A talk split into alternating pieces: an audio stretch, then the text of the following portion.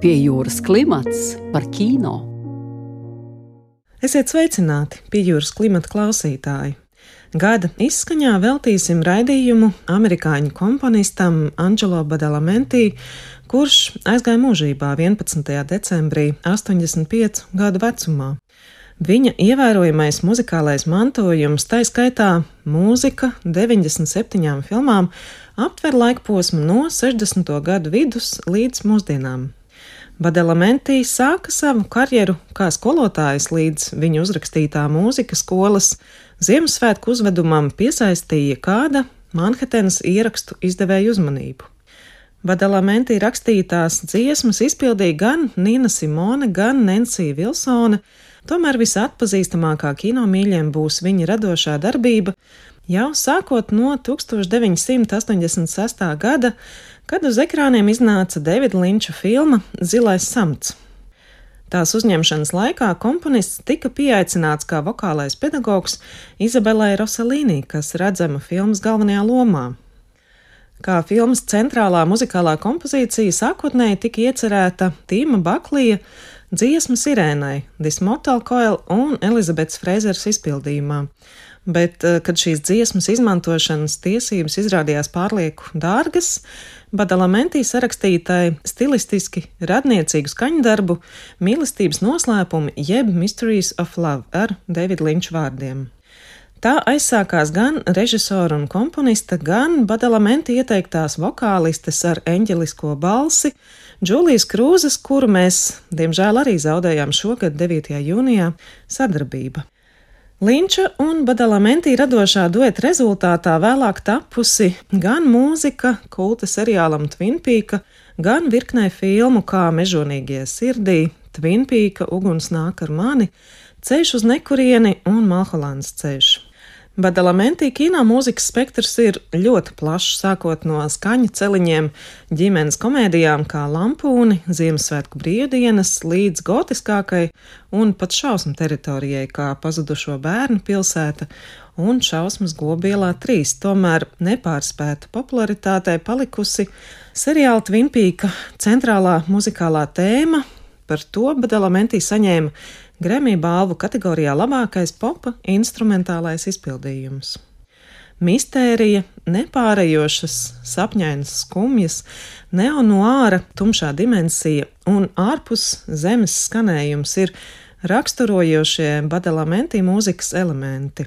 Džeimijs Stjuarts, kurš ar savu eksperimentālā roka apvienību Šušu 2016. gadā izdeva albumu veltījumu Twin Peaks mūzikai, salīdzina Badalamenti skaņu ainavu ar pagājušā gadsimta vidus atmosfēru pasaulē, kur viss it kā tik saulains un pasteļtoņos tomēr joprojām uzglūna otrā pasaules kara atbrīvotais ļaunums. Laikrakstā The Guardian Stjuarts apraksta Badalamenti mūziku kā izteikti romantisku un vienlaikus spējīgu iedvest šausmas tādu, kurā atbalsojas gan vardarbība, gan patiesa sentimentalitāte un skumjas, bet ne izmisums. Šodien uz sarunu par Angelo Badalamenti pie jūras klimatā aicināja Tomu Auniņu, aktieri, režisoru, elektroniskās mūzikas, kā arī teātra un kino mūzikas komponistu un izpildītāju, kurš radījis skaņdarbus virknei filmu, tā skaitā arī Nacionālajai kinobalvai Lielais Kristaps, nominēto skaņu celiņu Mārča Lāča filmai Revolūcija. Sveiks, Tom! Sveiki! Angelo Badalamenti skaņu burvis, kura radītā kino mūzika te visiem saistās vispirms ar režisora Davida Linča filmām un seriālu Twin Peak. Kāda ir Badalamenti skaņu pasaule, ko tā izceļas kino mūzikas ainavā? Jāatzīst, ka tāpat kā vairākumam, droši vien man Angelo Badalamenti ir pazīstams pirmkārt kā Davida Linča komponists, ne tik daudz varbūt kā pašpietiekams komponists pats par sevi vai mūziķis. Līdz ar to man tas asociācijas ar viņu un viņa mūziku pirmkārt saistās ar Linča filmām. Bet jāsaka, ka pēc tā, cik es zinu arī Badalamenti darbu, ka tieši darbā ar Davidu Linču viņš ir realizējies ievērojami spilgtāk nekā lielā daļā citu darbu, kurām viņš ir rakstījis mūziku. Šķiet, ka tā sinerģija ar Davidu Linču bija neapšaubām ārkārtīgi veiksmīga, jo viņi viens otru papildināja, un tie darbi asociējās. Daudziem vispār Linča filmas asociējās ar mūziku arī lielā mērā. Viņš ir ļoti daudzšķaitnēns. Viņam ir diezgan romantiski, klasiskā šķautne, kas izpaužas galvenokārt viņa komponētajos darbos, pamatā filmu mūzikā, komponētajā orķestra mūzikā. Tur viņš ir drīzāk tāds tā kā romantiķis un pat diezgan klasisks tajā savā rokrakstā, bet vēl ko raksturo kā ambientās mūzikas šķautni, kas arī filmās, ir sevišķi līnči, ļoti bieži parādās tās melanholiskās, tumšās, plūstošās, miglēnās tekstūras un ainavas, ļoti tādas abstraktas un smalkas un jutīgliskas.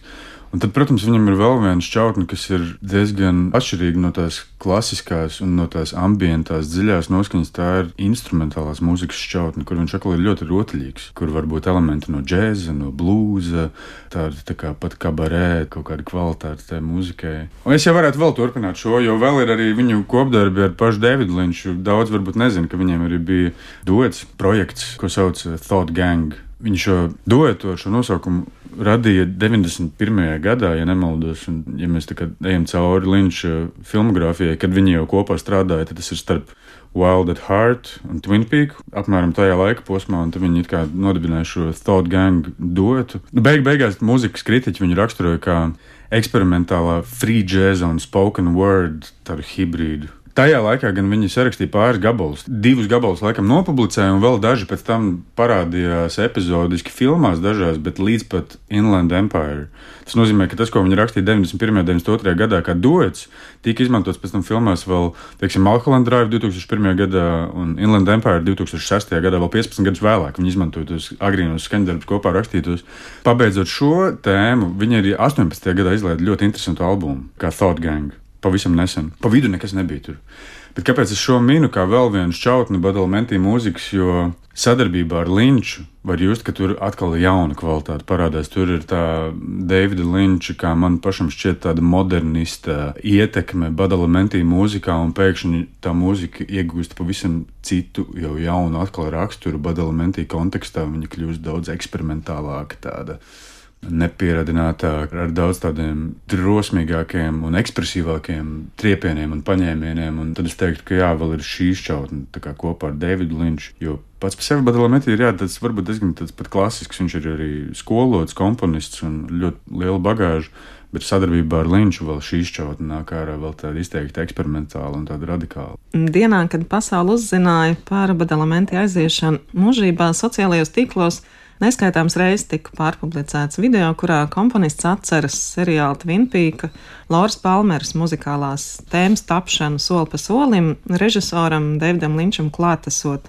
Linčs ir gan producējis Badalamenti mūziku, gan arī, kā tu jau minēji, ir uh, bieži norādīts kā līdzautors dziesmām, piemēram, Into the Night, kas ir arī, man liekas, viena no populārākajām viņa dziesmām.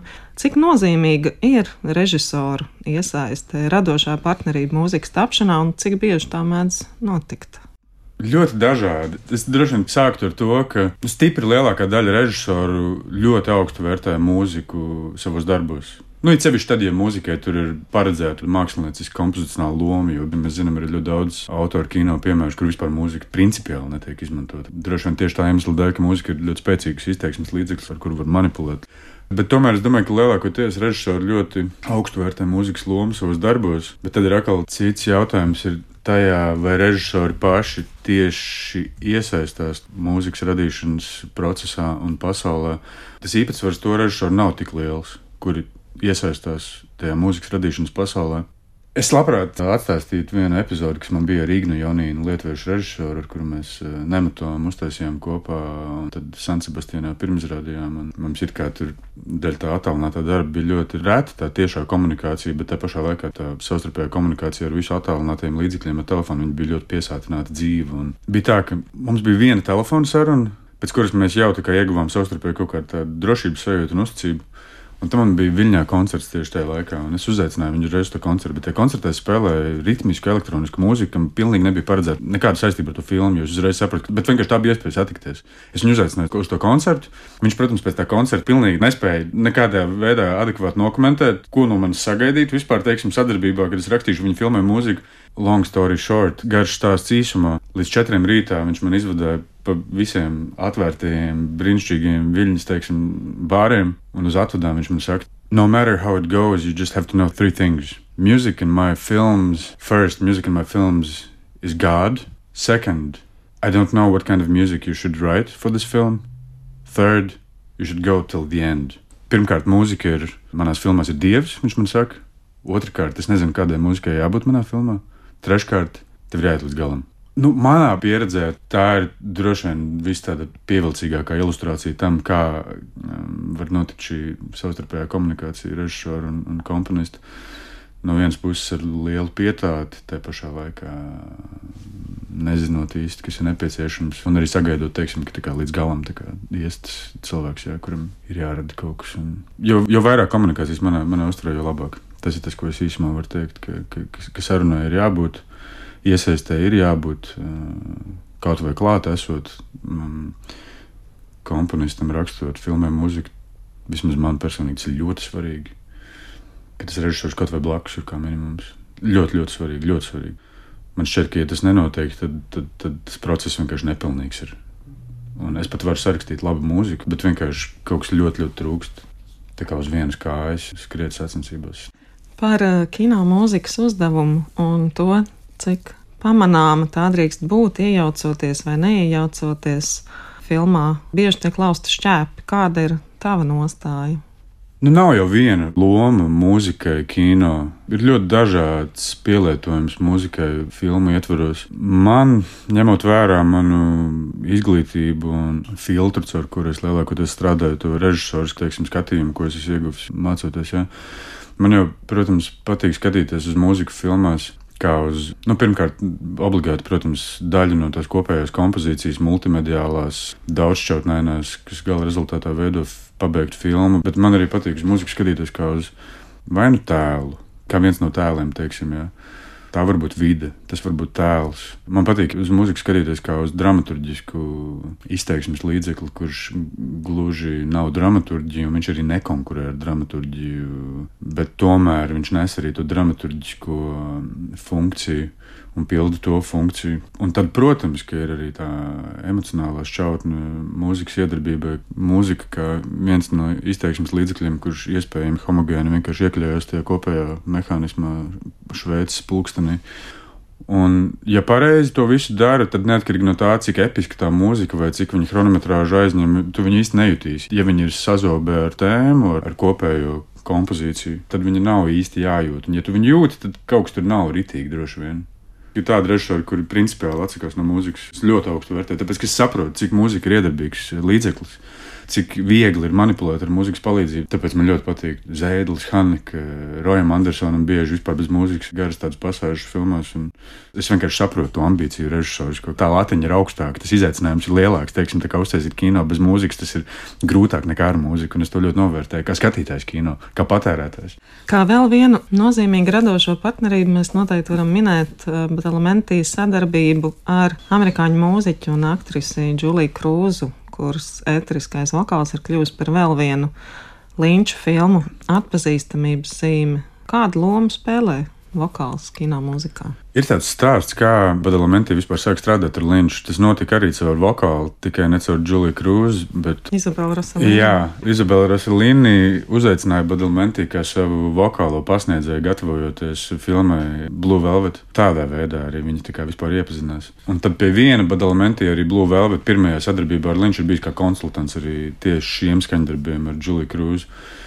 Vokāls tā tehniski skatoties, viņš pilda to melodisko funkciju mūzikā. Ja mūzikā ir trīs komponentes, parasti ar kurām strādā nu, harmonija, ritms un melodija, tad dziedošs vokāls lielākoties pilda šo melodijas funkciju. Tā kā galvenā varoņa tāds pārdzīvojums mūzikā sanāk, jo piemēram, glezniecībā kompozīciju veido fons, kaut kādi dotie apstākļi, identificējami, un tad, pieņemsim, tur ir kaut kādi galvenie tēli, galvenais varonis, pieņemsim, priekšā, un tā dziedošā balss pilda šo galvenā varoņa funkciju manā uztverē. Ja jautājums ir par dziedošu vokālu lomu filmu mūzikā, tad man nevilšs gribās uzreiz to saistīt, ka tādā gadījumā tam vokālam ir jāpilda tā filmas galvenā varoņa līnija kaut kādā ziņā.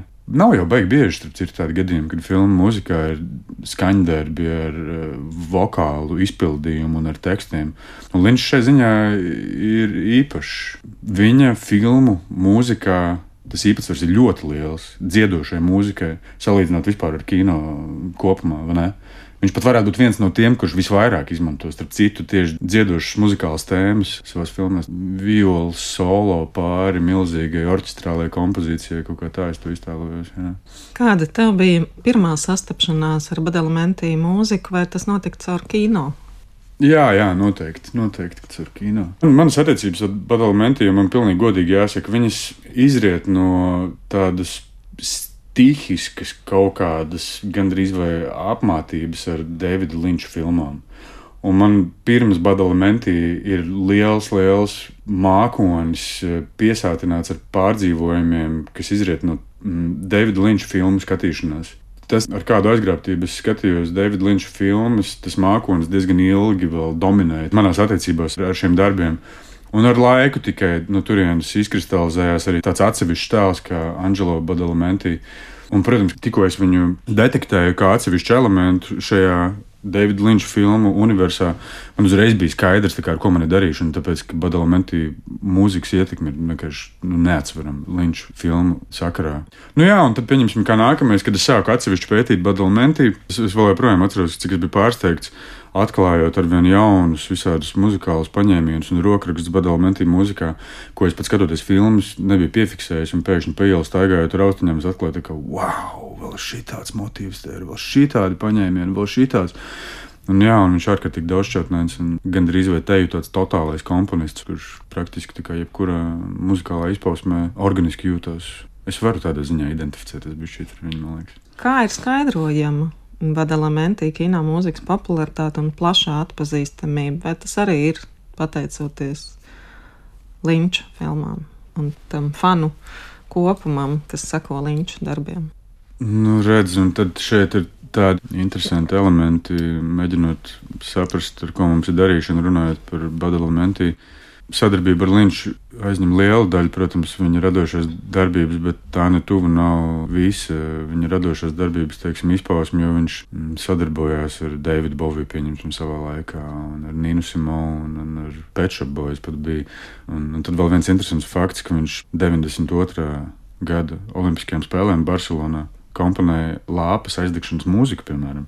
Turklāt viņš pietiekoši augstā līmenī Amerikas kino industrijas eh, ietvaros jau 70. gadu pirmajā pusē jau rakstīja lielām filmām mūziku. Bondarčukam ir rakstījis mūziku Staļingradai, ja nemaldos, jā, Krievijas produkcijam. Tā kā es domāju, ka tā viņa popularitāte pirmkārt, droši vien izriet no viņa talanta un no viņa iemaņu kopuma. Un es, es domāju, ka pirmkārt tas noteikti ir svarīgākais faktors. Un, protams, ka viņš vienalga paliks numur viens asociācijā ar Angelo Badalamenti praktiski visu cilvēku prātos. Bet tas netuvu nav vienīgais, teiksim, ar ko viņš ir ievērojams. Kurš tavuprāt ir uzskatāms par ikoniskāko viņu kopdarbu vai atsevišķu skaņdarbs, jeb arī skaņu celiņš filmēm?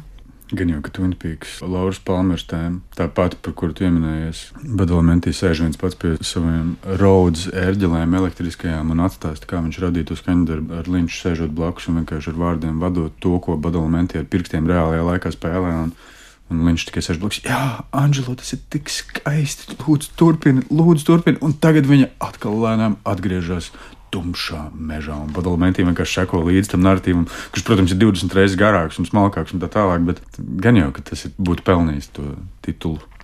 Episkākais gabals. Vai Badalamenti ir ietekmējis to, kā tu domā par mūzikas radīšanu filmē? Tiešā veidā nē. Bet tagad, runājot vairāk par viņu, es jūtu, ka kaut vai netiešā veidā man nezināmā veidā, viņa ietekme varētu būt lielāka nekā es to apzinos. Tā tu varētu noformulēt. Tu esi nominēts Nacionālajai kino balvai Lielais Kristaps divās kategorijās, kā labākais aktieris otrā plāna lomā par veikumu filmā Nemierīgie prāti un kā labākais komponists par mūziku filmai Revolūcija. Nu, visai netipiska droši vien kombinācija, kur ekrāna pustā pašam ir nozīmīgāks izaicinājums būt kadrā vai radīt mūziku. Apsveicu ar nomināciju. Jā, paldies, Lārs. Ja godīgi, kā lai neizklausās pārāk familiārs, teiksim, šādā situācijā. jo pieņemt šādus apstākļus un šādus priekšnosacījumus, no kuriem izriet jautājums, kā paša, protams, es negribētu tagad arī atstāt tādu iespēju, bet es lielākoties baigi izbaudīt nu, abās pozīcijās to, ko es daru. Es vispār cenšos izbaudīt jebko, ko es daru dzīvē. Pēc labākās sirdsapziņas, bet, ja runa par filmēšanos, par kino aktieru meistarību un par uh, komponēšanu filmām. Es par katru iespēju esmu ārkārtīgi pateicīgs un gandarīts un ļoti novērtēju katru iespēju piedalīties šajā procesā. Un, un es vienkārši tā kā izbaudu. Man liekas, ka man tas, kā, tas režisora backgrounds, man arī baigi paveicās ar Mārķiņu, kā ar meistaru, bakalaura apmācībai, teātris režijas.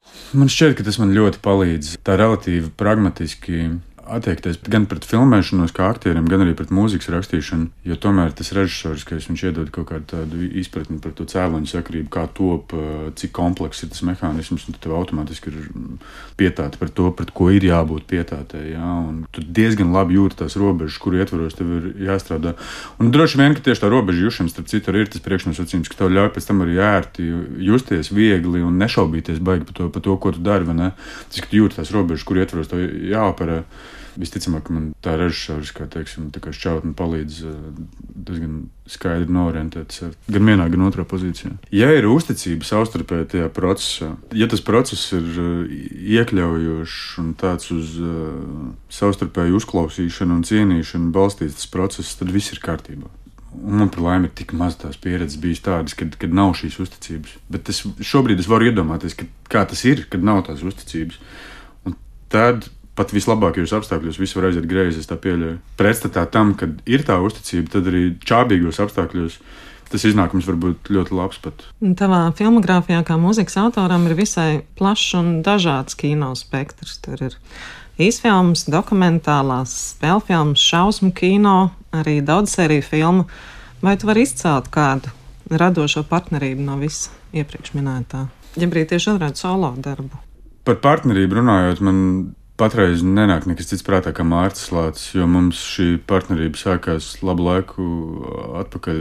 Es domāju, savi desmit gadi noteikti būs pagājuši.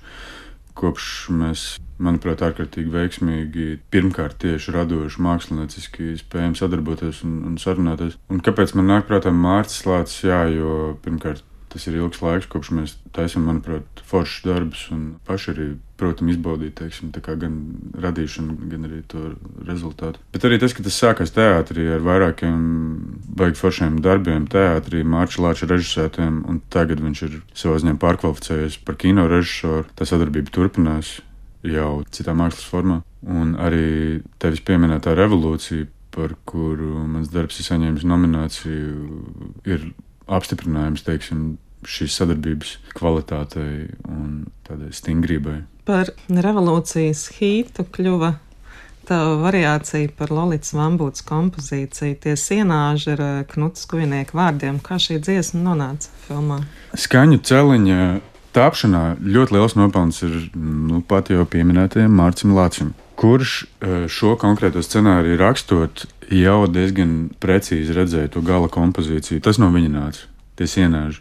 Liels nopelns ir Mārcis, kurš jau rakstot scenāriju, redzēja kaut kādas konkrētas izpausmes. Arī pieņemsim to pēdējo gabalu, kuru viņš pats izpildīja. Katrs ainā. Kāds ir tas kino, kuram tu dod priekšroku gan kā skatītājs, gan kā skaņradis?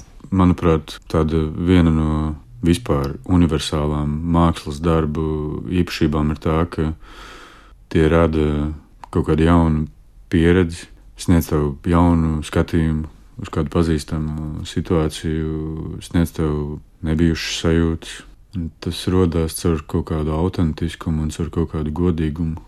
Droši vien māksliniecisku. Sekundāri ir, teiksim, žanri vai pat tēmas, kā tas izpaužās. Es, protams, ļoti augstu vērtēju tādu māksliniecisku ambīciju, kurā mākslinieks netiecas apmierināt uh, kaut kādas skatītāja expectācijas bet drīzāk piedāvā augsni, iespējams, jaunai sarunai, piedāvā kaut kādu platformu jaunai pieredzēji, dialogam, kaut kādam kvalitatīvam, jaunam. Un mūsdienās es negribu būt tā vīlies, tāds pensionārs kaut kas tagad, bet, bet man šķiet, ka mūsdienās tas nav kā, tik prioritāri. Ja ņemtu vērā, teiksim, kaut kādu modernās mākslas laikmetu kontekstu, tad tagad ļoti liels uzsvars ir, teiksim, uz to, lai apmierinātu patērētāju vajadzības un vēlmes. Un šī pārsteiguma kvalitāte, viņa nav baigta aktuālā tagad, viņa nav baigta prioritāra. Tad, es labprāt tevi arī izprovocētu sarunu ar tevi par šo kā kinofestivālu kuratori un organizatori, kā tu to redzi. Vai tev pietrūkst vai nepietrūkst arī kaut kāds tāds uh, autentiskums, godīgums, kaut kas bijis drosmīgāks, nu, jā,